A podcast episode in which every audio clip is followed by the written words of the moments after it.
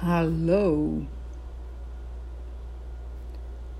Deze podcast gaat over het accepteren wat er in je verleden is gebeurd.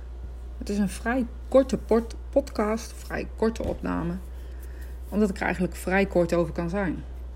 Dat wat in het verleden gebeurd is, dat is in het verleden. Het eerste wat je moet doen als je iets wil veranderen over je gedachten of over je gevoelens die om je heen hangen, is het accepteren dat er dingen gebeurd zijn in je verleden. Simpel. Je hoeft daar helemaal geen wetenschap op los te laten. Je accepteert simpel dat het gebeurd is. Je kan het niet veranderen. Het is gebeurd. Het is in het verleden. Het is daar gebeurd. Ja, het is gebeurd. Je, het is vervelend. Soms super erg. Echt super, super, super erg. Maar je kan het niet meer veranderen.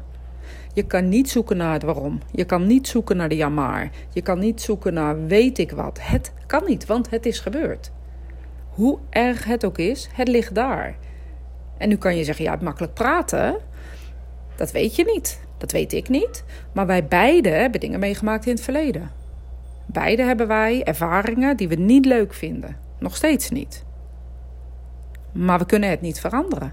We kunnen die situatie die achter ons ligt niet veranderen. We kunnen erover praten en over blijven praten en over blijven. Nou ja, zeuren misschien wel. Maar we kunnen het niet veranderen. Wat we kunnen doen is accepteren dat het gebeurd is. En vanuit die acceptatie kan je dan kijken of je misschien jouw manier van verwerken kan ja, veranderen. Of misschien wel um, er op een andere manier naar kan kijken. Maar nogmaals, je kan het niet veranderen. Het is gebeurd. Het is aangedaan. Het is gebeurd.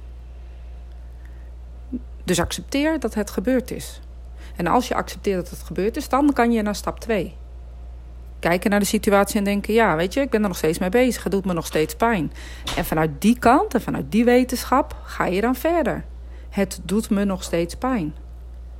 Dus nu ga je werken met die pijn, met, met, met dat auw, met dat zeer. Die wond. Is het nog steeds open? Moet het geheeld worden? Op een open wond plak je ook een pleister.